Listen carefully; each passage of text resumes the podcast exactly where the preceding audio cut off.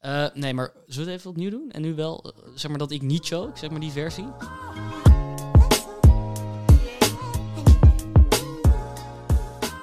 Oké, hey uh, Friso, we komen net uh, terug van een uh, enerverende podcast. Onze allereerste podcast. Onze allereerste podcast, man. En wat was het voor podcast? Het was heel bijzonder. Het ik, was fantastisch. Ik heb erg genoten. Ik vond ook dat we een hele goede opening gast hadden.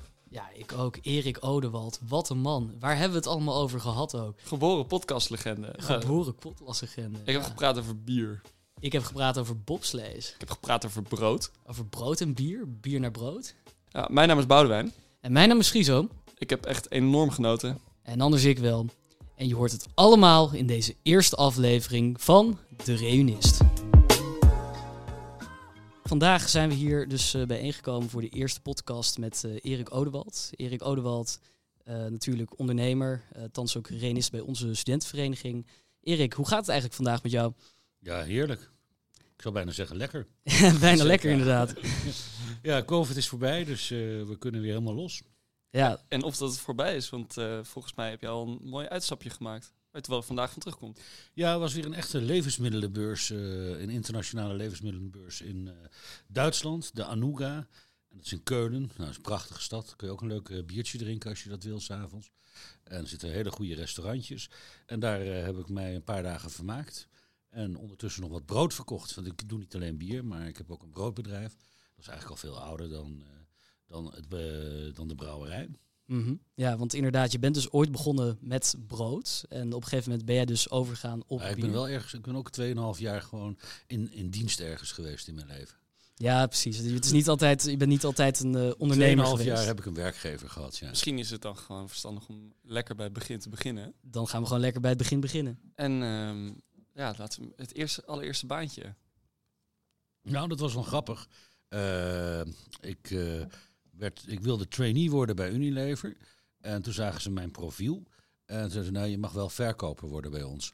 En uh, daar had ik geen zin in, want ik had net uh, ja, uh, internationaal marketing achter de rug. Dus ik denk, ik wil iets met marketing gaan doen. Nou, en dat, dat leidde eigenlijk tot, tot een andere functie, een marketingfunctie bij een bedrijf in grondstoffen, trade. En dat waren biologische grondstoffen, wat natuurlijk nog heel erg onontgonnen gebied was in die tijd. Want we hebben het nu over? We hebben het over 89. 89, lang geleden. 89. Een early adopter, zoals dat. Ja, ja, ja dat, dat was uh, in ieder geval de mijn toenmalige werkgever was dat zeker. Het is nu een van de grootste biologische treedbedrijven ter wereld geworden. En uh, hij is tevens aandeelhouder ook nog bij mij in, uh, in Brouwerij de Lekkere. Uh, en ook nog uh, obligatiehouder van de, van de Lekkere. Dus we zijn nog steeds bevriend. Maar ik heb maar 2,5 jaar voor hem uh, gewerkt. En ik moest daar uh, eigenlijk een uh, Europese groothandel opzetten. Dat was heel snel mijn uh, functie. in plaats van trader of, of marketeer, wat ik eigenlijk wilde, heb ik een internationale groothandel daar opgezet. En na 138 producten van niet-bio naar bio omgekit en verkocht, dacht ik, ja, ik heb 30 miljoen gulden voor die man verdiend in korte tijd. Misschien moet ik het zelf proberen. En dat heb ik gedaan. Ik heb mijn IMAC toen afgerond. Uh, dat is een soort marketingstudie die je doet na de hele HOLA. En, uh, en uh, toen ben ik voor mezelf begonnen. Met het broodbedrijf. Kijk aan, ja. En biologisch brood, hoe, dat is toch iets wat, waarvan ik denk van biologische producten, dat is de laatste 10, 15 jaar, is dat dat ontzettend in trek is. Mm -hmm. Hoe ben je er zo, zo vroeg al achter gekomen dat juist dat biologische aspect of is dat niet op het begin al meteen erbij gekomen? Ja, dat kwam door mijn eerste baantje. Uh, dat begon toen nog, uh, nog vrij uh, sumier in Europa te leven. Vandaar ook dat de groothandel meteen Europees moest zijn. Dus als je een product maakte, moest je dat meteen in, in half Europa verkopen, anders had je geen omzet. Hm. dus dat was een beetje de achtergrond. En dat is ja, wat, wat er op dat moment was, was gewoon niet lekker. En dat kon wel lekker, vond ik. En dat heb ik, heb ik gedaan. Want wat was uiteindelijk dat geheim, zeg maar, van het aspect van uh, biologisch eten en lekker? Want ik kan ja, me wel ik weet, niet, ik weet niet waarom ze toen die donkergroene mensen toen niet uh, het idee hadden dat het ook lekker kon zijn. Ja, dat, nee, precies. Dat, dus dat, het, waren, het waren niet allemaal communistische biscuitjes en uh, zeg maar van dat, nee, en ik had, als droge zooi. dacht ik van ja, als je dan, als je dan wil winnen in dit vlak, dan moet je het heel lekker maken. Ja. Ja, dus dat was eigenlijk mijn achter, achter, achterliggende gedachte. En dat hebben we gedaan en dat was, was een leuke reis.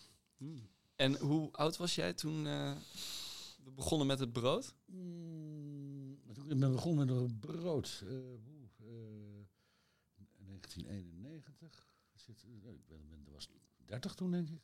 Oké. Okay. 30. Okay. Hm. 29, 30, ja. Dat zal het geweest zijn. Oké, nou dat is, uh, ja, dat is niet meteen uh, in de studententijd gebeurd, maar in de studententijd, ja, wij, het leuke is, is, we proberen natuurlijk even wat te weten te komen over onze gasten van tevoren. En een van de eerste dingen die wij zagen was dat het iets te maken had met uh, dienstplichtvermijding. Inderdaad. de, en de, de, de, ja, de juristenkant daaromheen. Ja, kan je daar wat meer over vertellen, Erik? Ja, dat kan ik wel. gek genoeg is dat, is dat, dat niet mijn eerste bedrijf geweest, maar mijn tweede het broodbedrijf was het eerste bedrijf. Uh, maar ik had uh, na, uh, in 88 moest ik, moest ik in dienst. En ik kwam daar al heel snel bij de AVNM, de Algemene Vereniging voor Nederlandse Militairen.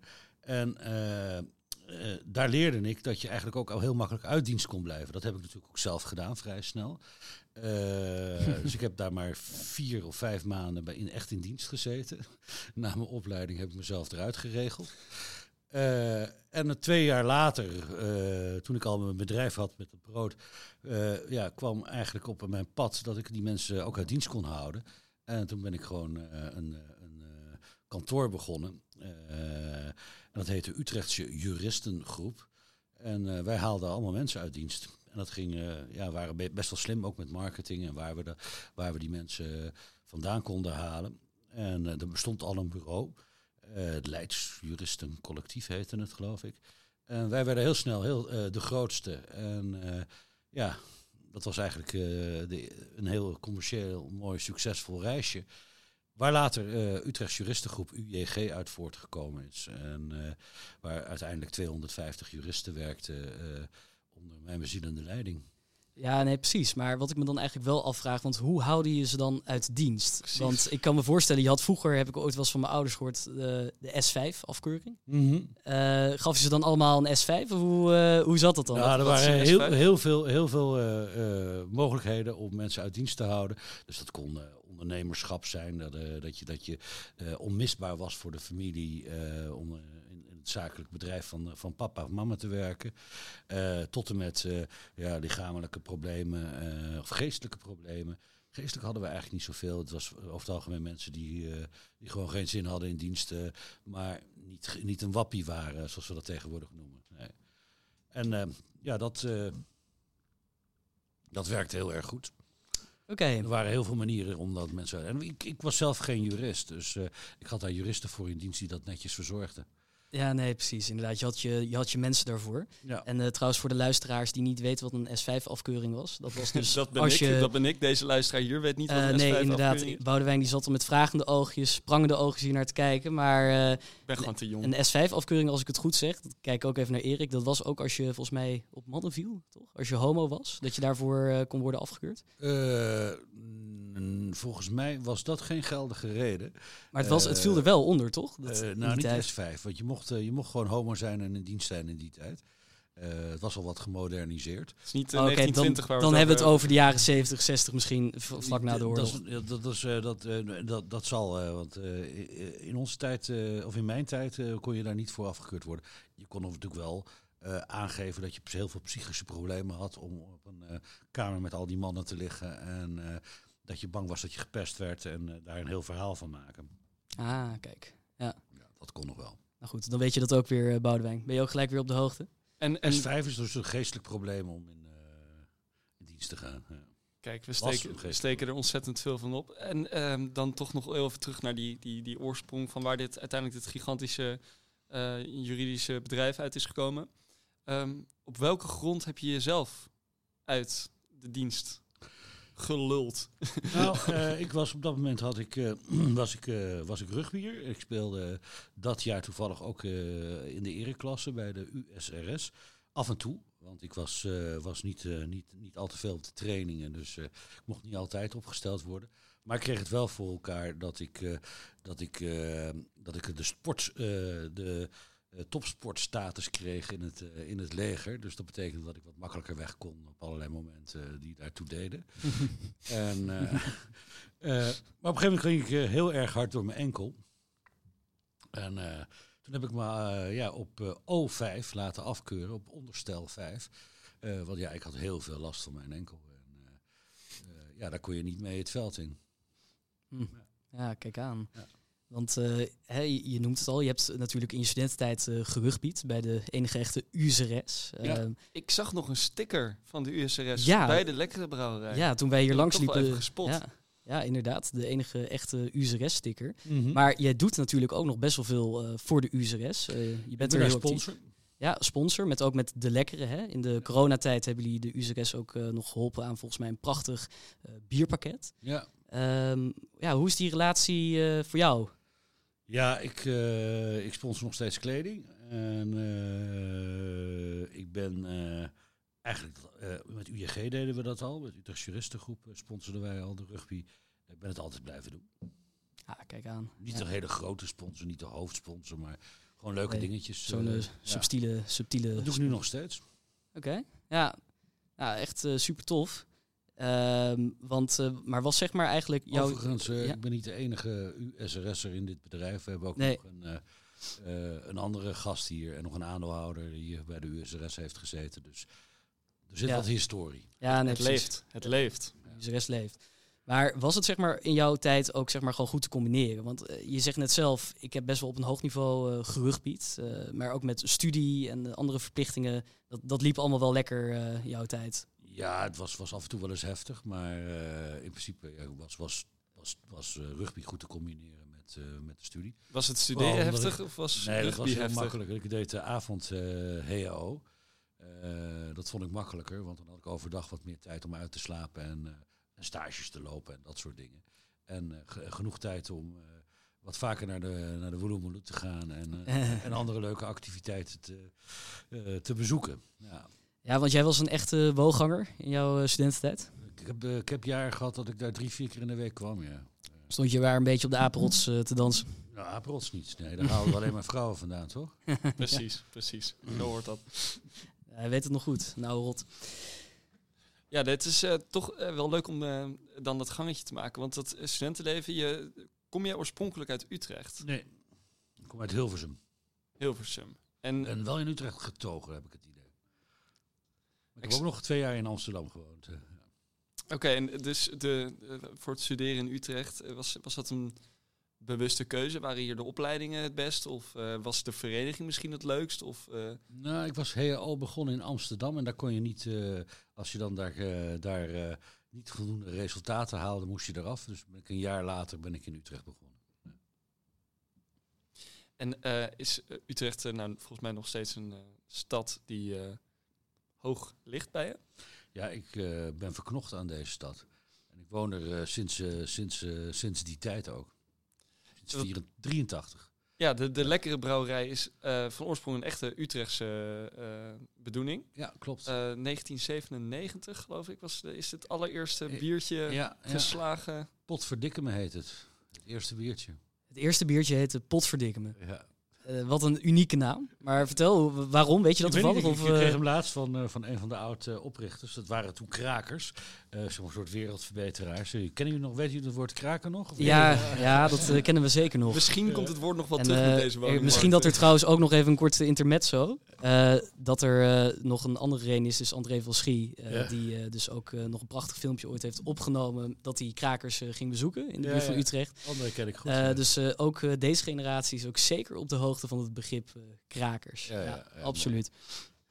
Nee, maar eh, eh, de krakers hebben ooit dit bier bedacht. en het moest natuurlijk verantwoord zijn. Dus het werd biologisch meteen. En dan dachten ze, nou ja, goed, het Belgisch speciaal bier was toen net een beetje weer aan het inkomen in die jaren.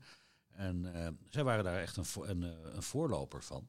En maakten dus allemaal mooie speciaal bieren. nou ja, mooi ik niet, ze te hachelen. Maar, eh, Want, ja, want dat is inderdaad wel grappig dat je dat vertelt. Want ik heb ooit wel eens een keer gelezen dat eh, speciaal bier, en daar hebben we het volgens mij eh, over de jaren 80, jaren 90, dat het toen best wel dood was, toch? Je had best Ja. wel, het ma- marktaanbod was totaal niet meer variërend, varieert. In de jaren negentig is de, zijn er de eerste speciaal bierbrouwerijen opgekomen. Ja. Ja, precies. En uiteindelijk ging dat dan door in de jaren nul. Dus je kan eigenlijk wel stellen dat jij bijvoorbeeld op een best wel goed moment dan instapte, toch? Dat Te je dan vroeg eigenlijk. te vroeg nog zelfs. Ja. Oké. Want eh, wij merkten dat, eh, dat we heel moeilijk eh, die speciaalbieren konden verkopen in de kroeg. in de kroegen. Toen zijn we maar pils gaan maken. En dat doet nog steeds geen enkele kraftbrouwer doet dat. Van, ja, dat is de enige manier om contracten te krijgen. En als je contracten krijgt, kan je, kan je ook dat speciaalbier erachteraan gooien. En kan je volume stapelen. Dus dat was eigenlijk de achtergrond, dat we gingen pils gingen vanaf dat moment ging, eh, ging, de, ging de reis eh, redelijk snel, ja. Ja, precies. Want uiteindelijk, jullie zijn zelfs eh, zo succesvol daarin geweest. In 2018, eh, volgens mij, als ik het goed zeg, ze hebben jullie eh, een prijs gewonnen. Beste pilsner van Nederland. Ja. Eh, Klopt. want Was hoe... dat in eh, 2000? of ja, dat is- 2000 ja, ja, ja, uitgereikt 2018. in 2000, ja, eind eh, 2018. eh, ja, dat inderdaad. Eh, Het logo zat inderdaad op onze, onze flesjes in 2019. Ja. Ja, precies. Want wat was eigenlijk, hoe hebben jullie dat voor elkaar gekregen? Want ik kan me voorstellen, langzamerhand, er zijn veel biermerken, veel, veel keuze. Maar wat maakt dan die pilsner van de lekkere zo uniek? ja, eigenlijk is het eh, een beetje een eh, oud pilsrecept. eh, het standaard pilsrecept, het internationale pils. En dat kwam ook wel een beetje uit Duitsland. De type bier dat wij, dat wij maakten. In de loop der jaren, eh, dat denk ik al in, in, de- in jaren negentig begonnen, gingen ze dat pils steeds zoeter maken. En eh, dat was blijkbaar de, de smaak van de consument op dat moment. En ik vond dat helemaal niet lekker. Eh. Ik vond eigenlijk dat dat oude bier, hè, zelfs Grols vond ik vroeger erg lekker, maar die ging ook om naar dat zoete. Je vindt het nog een beetje terug in Brand nog steeds en in Hertog Jan een beetje, maar niet helemaal. Eh, en eh, ja, dus wij besloten om gewoon een echte, eh, een echte ouderwetse, zoals Hoortpils te maken. En dat kreeg, daar kregen we ook de Brussels Beer Challenge en de, de Dutch Beer Challenge. Daar kregen wij daar regelmatig prijzen mee. Want moet ik even voorstellen, ook voor de luisteraars, hoeveel genomineerden heb je dan eigenlijk voor zo'n wedstrijd? Nou, de Brussels heel veel. De Dutch Beer Challenge valt wel mee. Ik denk een stuk of dertig op het pilsvlak. vlak. Maar de Brussels heb je nog veel meer. Ja. En andere eh, internationale prijzen of awards eh, heb je er in de honderden. Ja. Honderden. Ja. Nou, kijk, Ja, mensen. bierbrouw is eh, naast een eh, hobby natuurlijk ook echt een business. Ja. Ehm, ik heb het idee, als ik zo eh, om mij heen kijk, want dat weten misschien mensen niet, maar wij zitten op dit moment op de brouwerij. In de brouwerij. In de brouwerij, maar ook een beetje op, want we kijken echt naar beneden en onder ons gebeurt het allemaal. Er staan hele grote vaten en het is een grote fabriekshal bijna. Waar, eh, geloof, wat was het? Hoeveel duizend flesjes komen hier van de band af per dag? Eh, nou, dat hangt een beetje vanaf welke dagen. Maar eh, wij, wij produceren tussen de 8000 en... sorry, tussen de 6000 en 12.000 eh, liter bier per dag.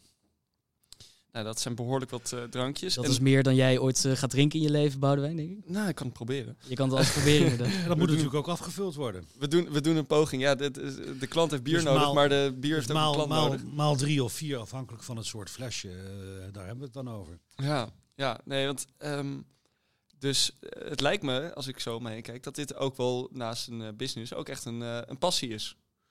Voor mij is het een passie. En, eh, en ik vind dat als je dan een mooie passie hebt, dan moet je er ook eh, uiteindelijk wat aan kunnen verdienen. Hoeft niet meteen, want we hebben lang eh, geïnvesteerd in de brouwerij. En toen we daar ongeveer klaar mee waren en lekker gingen verdienen, gingen we eh, helaas weer verbouwen. en dan zijn we hier eh, terechtgekomen in dit ja, industriële erfgoed eigenlijk. Uit, uit 1914 is dit hier gebouwd. En dat hebben wij refurbished from hell. En daar hebben we er een brouwerij van gemaakt. En de, de, de, de overdracht was in 2007, geloof ik. De, de, de koop. Ja. Hoe koop je een brouwerij? Eh, door de aandelen over te nemen. En dat is dus dan de originele, volgens mij was het een groep van vijf, zes. Nee, nee, nee. Op dat moment waren, eh, Was waren het er, al, eh, waar, was al de derde, de derde eigenaar of vierde eigenaar van de brouwerij. En die zaten met z'n tweeën. En die hadden ja, geweldig idee om, de wereld te veroveren met het biologische bier. Alleen het lukte ze niet zo goed. En eh, toen hebben wij ze ge- geholpen door eh, de aandelen over te nemen. En eh, de schulden af te betalen en eh, door te starten. Oké. Oké, maar dat op zich, het is wel natuurlijk een bepaalde proces waar je dan in belandt. Het is ook best wel, je moet op een gegeven moment ook wel echt zo'n beslissing nemen om het eh, te doen, zeg Mhm. maar. Eh, Wat, wat heeft uiteindelijk ertoe geleid dat je ervoor bent gegaan? Dat je er echt instapte? Ja, nou, ik, eh, ik kreeg het eigenlijk aangeboden via een bank. Die eh, er een beetje mee in zijn maag zat met, die, eh, met eh, de toenmalige eh, eigenaren. En eh, omdat ik al biologisch brood deed, vrij veel, eh dachten ze van nou, dat, dat moet wel eh, bij, eh, bij meneer Odewald passen. En eh, zodoende kwam het op mijn pad. En toen dacht ik, nou ja, het lijkt me wel leuk. Eh laten we eens proberen. Mooie uitdaging inderdaad. Ja. Ja.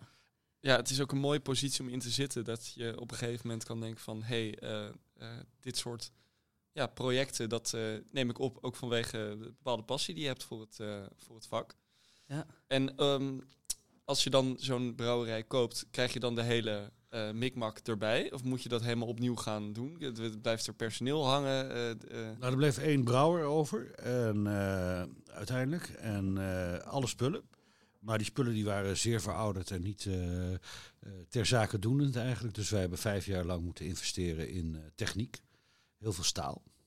Heel veel staal. Ja, ja. Zo nieuwe afvullijnen, nieuwe tanks, gislagertanks. ja, dat, soort, dat soort zaken. Maar op zich best wel een flinke investering, kan me voorstellen, Ja, toch? maar de, de, hier is pas de echte investering geweest. ja. Oké. Grappig. Nou, het ziet er prachtig uit. Ik eh, zei net ook al tegen Friso van het is echt wel eh, heel leuk om op, de, op locatie te mogen zijn voor dat dit, eh, sowieso. Waarvoor dank ook. voor dit gesprek. Ja, zeker. eh, waarvoor dank. Ehm, eh, ik moet zeggen, er was in 2013, zagen we in de boeken, eh, het 15-jarige bestaan. Ja. dat was natuurlijk onder jouw bewind alweer Ja. toen alles. ja. Was dat een beetje een feestje? Mhm. Hebben jullie uitgepakt? Ja, nou, we hebben een, eh, er zeker een feest van gemaakt. Maar wat we toen volgens mij ook gedaan hebben, dat was dat we met allemaal eh, specialisten uit de biermarkt, toenmalige biermarkt, zijn we eh, speciaal bieren gaan brouwen. En daar zijn er trouwens zelfs nog twee van blijven hangen, die we nog steeds voeren. En eh, daarmee maakten wij de connectie met de bierwereld eh, weer op een andere manier. En ja, gebruikten we eigenlijk eh, de kennis van die mensen. eh, enerzijds voor onze brouwers, eh, de toenmalige brouwers, dat die, eh, dat die wat meer opge, op, opstaken van, eh, van, eh, van bierbrouwen. En gelijktijdig eh, wij wat meer van de bierenmarkt eh, leerden kennen. En eh, daar hebben we eigenlijk eh, profijt van gehad. Ja. Juist, ja. En eh, bierbrouwers, waar je dan eh, onder andere ook eh, mee in contact komt. Eh, ik neem aan dat er heel veel eh, bierbrouwers zijn in Nederland, in Duitsland, in de omstreken. Wat voor, wat voor type is een bierbrouwer?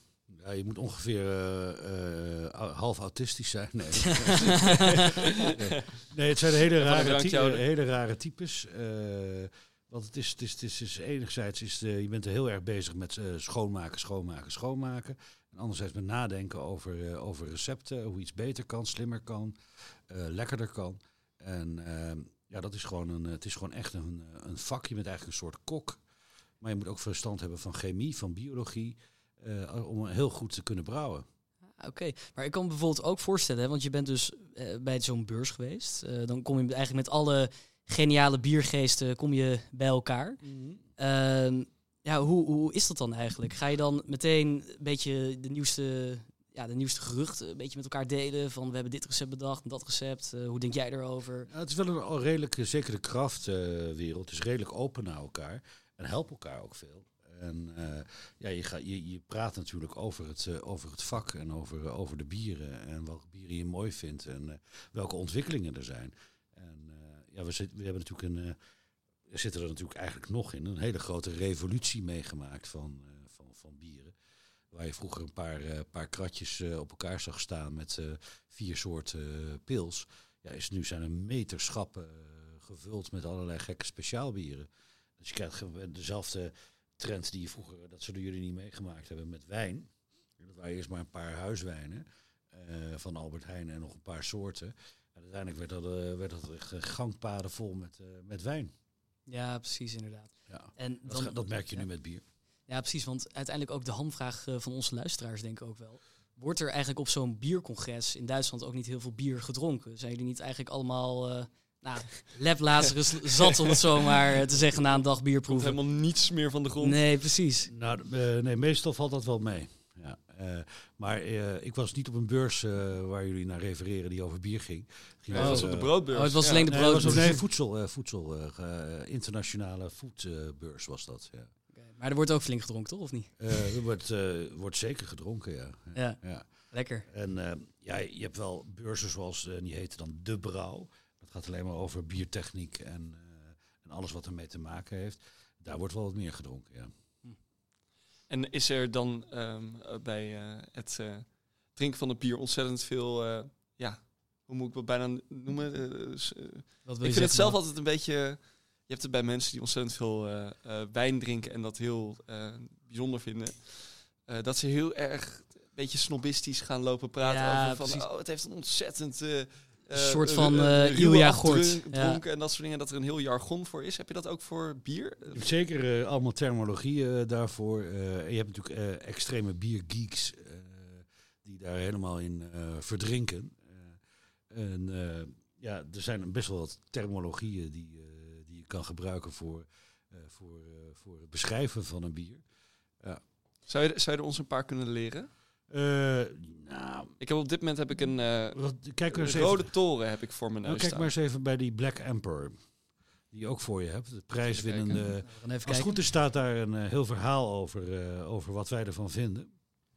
Ik ga het even voorlezen hoor. Oh, je hebt de goede. Een nieuwe zwartsbier. Het verschil tussen eh zwartsbier en... eh, eh, wat was het ook weer? Zwartsbier en... Pils misschien? Ja, dat, is, dat gaan we zo meteen horen. Vol donkere mout, een stevige alcoholboost. Kijk, dat is wat je wil horen. Met geuren van roggebrood, noten en vijgen. Een frisse, fruitige afdronk door de fijnste Duitse aromahoppen.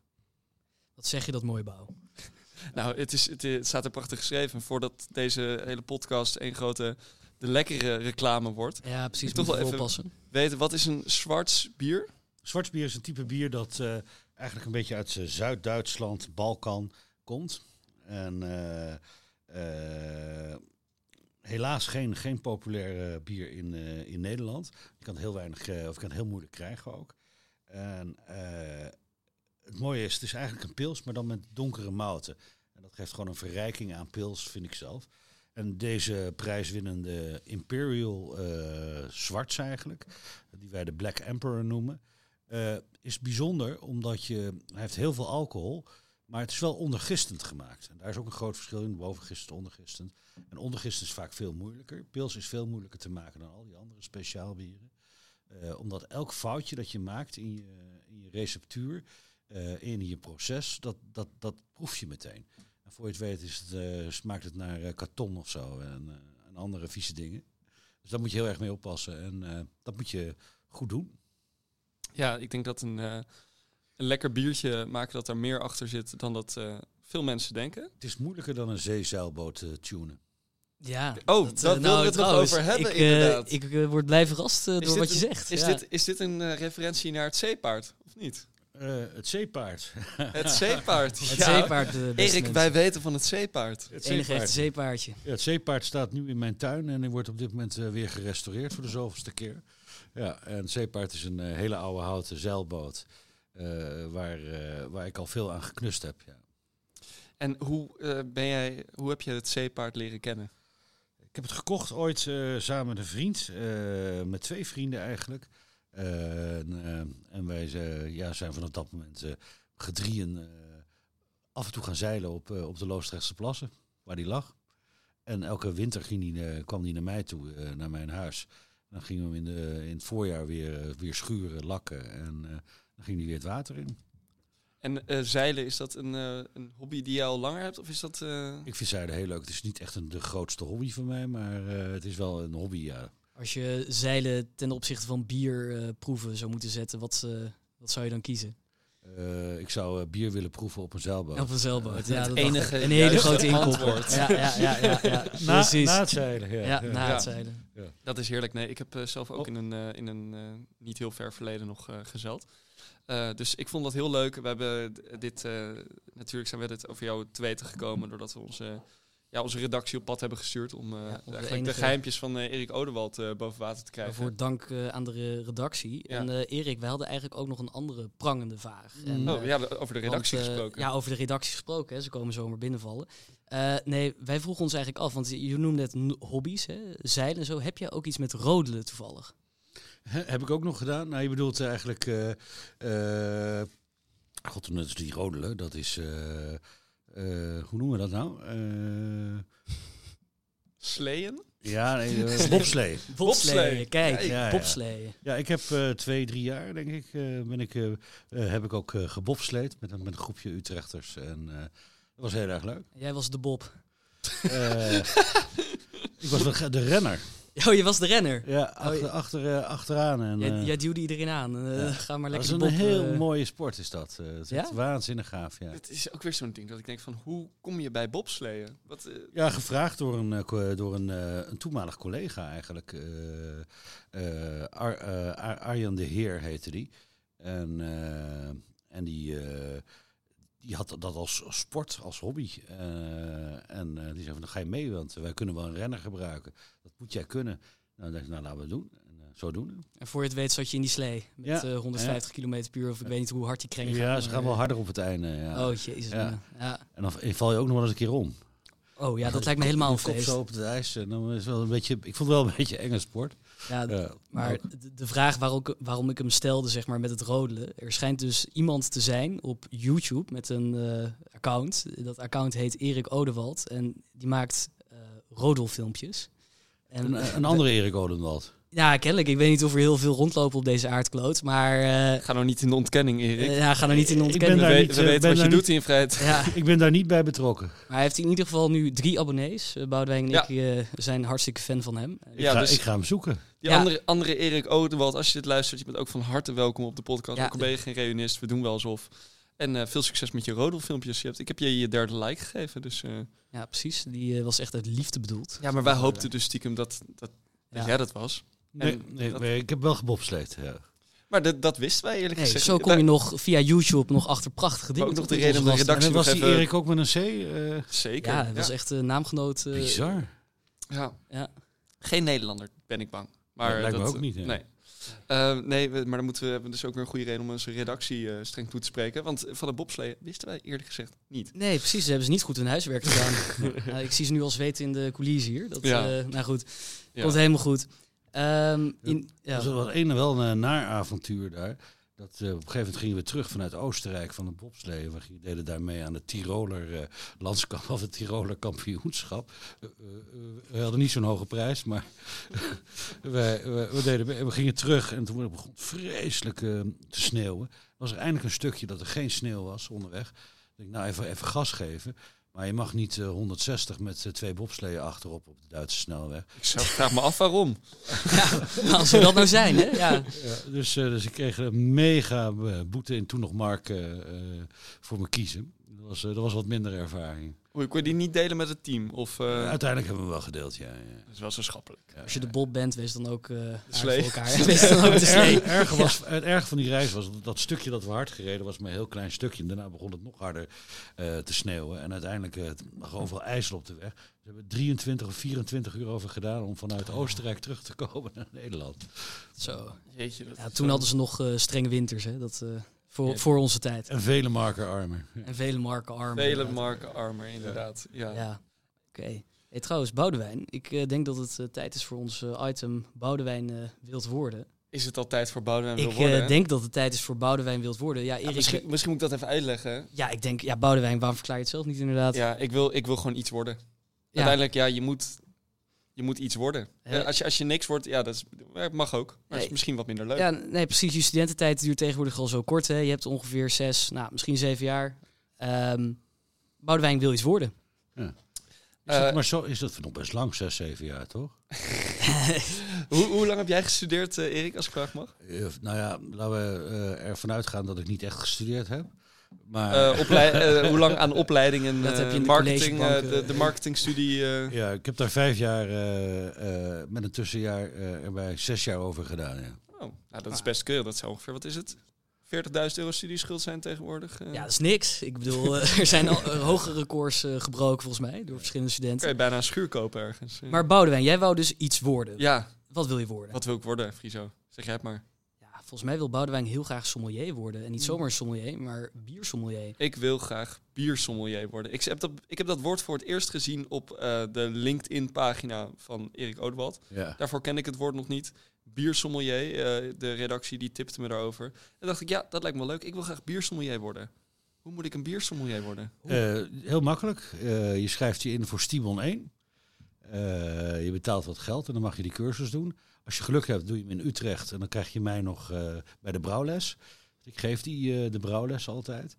En eh, als je dat gedaan hebt, en dat is op zich niet zo'n niet zo'n moeilijke stap, Stimon 1, eh, dan moet je wel, nou, ik denk zo'n eh, 48 biertjes geproefd hebben. En dan krijg je- 48. krijg je uit die 48 krijg je denk ik zo'n eh, 12 eh, nee tot zo'n 24 eh, soorten weet je dat je daar een van gaat krijgen.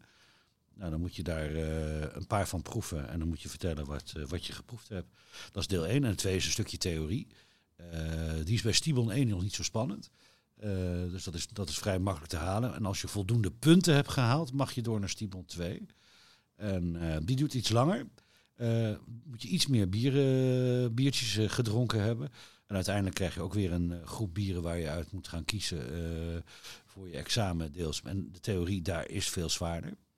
Eh, dan moet je echt al meer in de farmaciehoek denken en alles weten Ah, over, ja. over hop, hoe het zich gedraagt en gist hoe het zich gedraagt, et cetera. Je, je mag er ook een bier brouwen in die, in die periode. Je gaat ook iets meer leren over, over beer en food pairing. Dus bij welke bier hoort welk eten en eh, wat versterkt elkaar, wat eh, eh, ondermijnt elkaar. Dus dat is best wel leuk. Ja, En, eh, en dan heb je eigenlijk het grote examen al gehad als je dat gehaald hebt. En dan mag je nog voor de lol, mag je nog naar Oostenrijk. Eh, en daar krijg je dan eh, eh, het, de titel eh eh, bier sommelier. Hoe zeg je dat in het Oostenrijks? Ja, dat ben ik ook heel benieuwd Ja, naar. bier sommelier. Biersommelier, heel Ja. goed. biersommelier. Ja.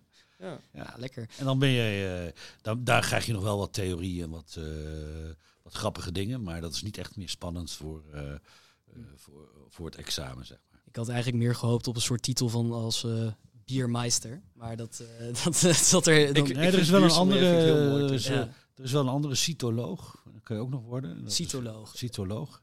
Ja, dat, eh, dat is ook een, eh, een, ik denk een Belgisch-Franse titel. Belgische titel. En eh, dan eh, ga je nog iets meer over de, eh, over de echte smaakkant van het bier leren. Oké. En dan is het, schijnt er nog een zwaardere te zijn. En dan is eigenlijk een van de Amerikaanse studie. nou, daar Oké, weet oké. ik niet eens de naam van. Dus, Maar nog even terugkomend resume. het hele proces van zeg maar, dat je erin rolde en het feit dat je nu biersommelier bent, zeg maar, hoe lang duurde dat ongeveer? Dat, in mijn geval een jaar. Eh, jaar. Omdat ik het heel snel achter elkaar deed. ja, En ik had de reden dat ik het ben gaan doen is dat ik vind, vond dat wij allemaal meer meer kennis van bier moesten hebben. Eh, dus ik heb al mijn verkopers en mijn brouwers gezegd: "Joh, jullie moeten eh Stibon gaan halen. En als grote voorbeeld ben ik zelf ook maar gaan doen. En ik had het als eerste van iedereen. Eh, dus dat, dat is dan weer, eh, ja, dat was wel weer grappig. ja, Eerst over de streep. Want, maar kijk aan, want ik bedoel, eh, je hebt ook natuurlijk wijnsommeliers. Hè? Dat, eh, Die wijnsommeliers, als je echt volgens mij een goede wijnsommelier bent, dan word je ook echt in alle professionele restaurants wereldwijd gewoon eh, gevraagd. Dan ben je een soort halve filmster. Dat lijkt me lekker. En dat lijkt me echt fantastisch. Nee, maar... er zullen er zeker zijn die, Eh, dat, die dat niveau bereiken. Ja. Ja, nee, nee, precies. Maar dat, dat, hè, als je een wijnsommelier wordt, daar, dat is best, schijnt best wel een zware opleiding te zijn. Volgens mij ook echt meerdere jaren. Ehm, maar Ja, biersommelier nee, ik, ben, is dan... ik, ik, ik heb eh, ooit wijnmeester gehaald. Dat heet tegenwoordig Sven 2, samen met mijn vrouw. Als hobby. En nog twee vrienden eh, hebben we dat als hobby gehaald. Dat is echt de voorste fase voor wijnsommelier. Eh, en dat was ook wel grappig, want in, de, in die klas zaten alleen maar mensen die het voor hun werk moesten doen. En wij deden het gewoon voor de lol.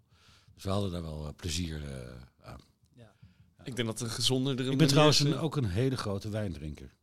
Ook dat En- nog. nou, en naast, wij- de- naast het bier. En, kijk. en Ja. wijnliefhebber. Wijnliefhebber. Wanneer gaat het eerste Odewald Wijnhuis... eh, Gaan we niet, maar we hebben hier wel een, eh, een collega die hier eh, een, eh, een wijnbedrijf runt in dit eh, pand. Oké, Ah, nou, dus je zit vrij dicht bij de bron eh, Maar op dat gebied. Ja, nee, maar precies. Maar Erik, ik vraag me dan nog wel eigenlijk af. Hè, jij als eh, biersommelier zijnde. eh, vind jij het niet eigenlijk heel tragisch wat er toch met het gemiddelde bier gebeurt in de, zeg maar, de studentenwereld? Dat er gewoon veel studenten zijn die gewoon bier... eh, nou, achterover tikken zonder er eigenlijk bij na te denken. Zonder er eigenlijk bij... Het is gewoon een hele mooie fase voor ieders leven om dat eh, op de, bij de sportkantines en uh, studenten tijd te doen. Ja, nee, precies. Ik heb het zelf ook gedaan, dus ja. ik zie het mijn zoon nu ook doen, dus ja. ja werd het hoort er gewoon bij. Werd er veel gestreept in, in je jaren? Gestreept? Dat is hoe ze het nu noemen, hè? Gestreept.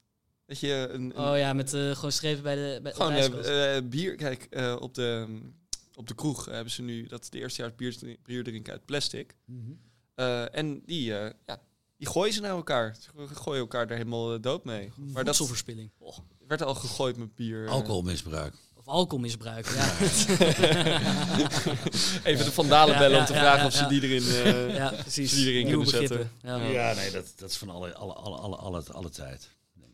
Zeker ook bij rugby uh, hebben we dat natuurlijk veel meegemaakt, dat er mee gegooid werd. En, uh, ja. ja. precies. Maar uiteindelijk is het ook niet jouw bier wat natuurlijk uh, wat dat betreft verspild wordt. Hè, van de lekkere... maar het maakt je niet uit of iemand zeg maar, le de lekkere achterover tikt... of dat iemand er echt met passie van geniet. En, wat wel grappig is, wat ik wel wel leuk vind, is... en dat is nieuw voor, was ook nieuw voor ons. Wij bieden eigenlijk voor studentenhuizen... bieden wij eigenlijk heel betaalbaar een, een, een service aan voor 12 euro kunnen ze dan een kratje eh, de lekkere kopen. En we halen het op en we brengen het. Dan zie je ze allemaal met, met van die rietjes terugkomen. weer erg grappig. is, dit, is dit trouwens een sponsordeal waar wij nog niet uh, op voor getekend hebben? Want ik, uh, welke website kunnen we gaan voor deze leuke studentendeal? Ik, ja, volgens, mij, ik heb, volgens mij staat het gewoon op onze site. kan je gewoon bij bestellen te lekkere vertellen dat je studentenhuis bent. En, dat is uh, www.de. We hebben daar zelfs een, uh, een QR-code voor dat je meteen kan uh, Maar ze, bestellen. ze kunnen het vinden op www.delekkere.nl en dan een studentenactie. staat dat er zeg maar ja, zo? Zij staat verborgen erin. Oh, oké. We, okay. we, hebben er wel QR-code voor. Ja. Leuke, leuke okay. speurtocht voor alle luisteraars. Ja, en stuur Mocht je dus je foto's in ja. met kratjes de lekkere waar rietjes uitsteken. Want volgens mij vindt super aanbieding voor studentenhuizen precies. En misschien dat over... Maar niet alle studentenhuis vinden het leuk. Hè? Want ze vinden het leuker als de huisjongsten gewoon met die karren door de straat gaan uh, lopen. Dat vinden ze, ja, vinden ze eigenlijk grappiger. En uh, wie weet, misschien, ja, het mag helaas niet meer uh, volgens de Europese richtlijnen. Maar misschien dat er ook nog binnenkort de lekkere rietjes bij komen. Dat, Nee, niet dat ik. ik als, het, als moet het natuurlijk glazen of metalen rietjes zijn. Maar er zijn al initiatieven voor, heb ik begrepen. Ja, dat. Metalen uitschuifbare rietad. Zeker, ja, ja, dat die, is. Die, die, die, clippen, die promotieclip is ook echt ontzettend goed. Riet uh, ja, je moet inderdaad even kijken naar het ja. filmpje van Rietatriet.nl. Echt, wat een reclame ja. is dat. De cast ook, ongelooflijk. Ja, de dames van Rietatriet.nl, god. Ja, echt ja, nou, die ongelooflijk. even een gratis wat een, uh, shout-out. Ja, allemaal hier in de Renist podcast, ongelooflijk. Um, ja, eigenlijk uh, resume vroeg me eigenlijk af... Um, Erik, als jij bijvoorbeeld ook nu gewoon terugkijkt op uh, ja, de afgelopen tijd, dus eigenlijk van je studententijd uh, tot nu, mm -hmm. zijn er misschien bepaalde lessen of bepaalde dingen die je de huidige student uh, anno nu zou willen meegeven, als hij een beetje zeg maar, hetzelfde traject als jou zou willen volgen? Eigenlijk één ding, heb het lef te durven gaan. Heb het lef te durven gaan. Zou je dat misschien iets meer kunnen toelichten? Nee, je moet gewoon doen. Als jij denkt van ik wil iets en ik kan iets en kan het niet, maar ik denk dat ik het kan, dan moet je het gewoon gaan doen. Uh, uh, ik adviseer mensen als ze de kans krijgen en uh, durven om ondernemer te gaan worden. Dat is eigenlijk wel de mooiste reis die je kan maken. Daar leer je snel van en veel van. Ook, ook mindere dingen vaak natuurlijk. Er zijn nog altijd pijnpunten. Maar je leert er wel heel veel van. En je, wordt er altijd rijker van. In de zin van geestelijk. Ja. Kijk, ik denk dat het een uh, prachtig punt is om uh, misschien uh, op te eindigen. Dat is een, toch een lesje. Ik weet niet, Friso, of jij nog heel ja, graag... Nee. Ik wil in ieder geval gewoon Erik hartstikke bedanken dat hij met ons deze eerste aflevering wou opnemen van de Reen is de podcast. Graag gedaan. Oké, okay, ik begin wel. Okay. Ik begin wel. Nee, ik wacht, ja, ik wil anders ook wel beginnen. Oké, okay, en als uh, je dit nou hoort en denkt van... oh, er zijn echt reunisten die ik zo graag op de podcast zou willen zien... of bepaalde vragen die ik altijd aan een reunist heb willen stellen... stuur ze vooral door naar dereunist.podcast.gmail.com. En de reunist is dan zonder trema. Uh, Friso, de honorable mentions. Ja, en uh, dan moeten we natuurlijk nog even één partij uh, in het bijzonder gaan bedanken. Namelijk de mannen van het podcasteel. Woe! Ja, zeker. Um, in ieder geval Het, eh, de mannen van het podcasteel, ontzettend bedankt eh, voor deze mogelijkheid. Zit jij er nou ook over te denken eh, om een eigen podcast te beginnen? Check dan vooral even hun Insta of hun website www.hetpodcasteel.nl en benader ze. Zeker weten. Het nee heb je, ja kun je krijgen. En eh podcast is hartstikke leuk. Neem maar van wordt beloond. Dit keer wel. Joe. Hey, tot de volgende keer.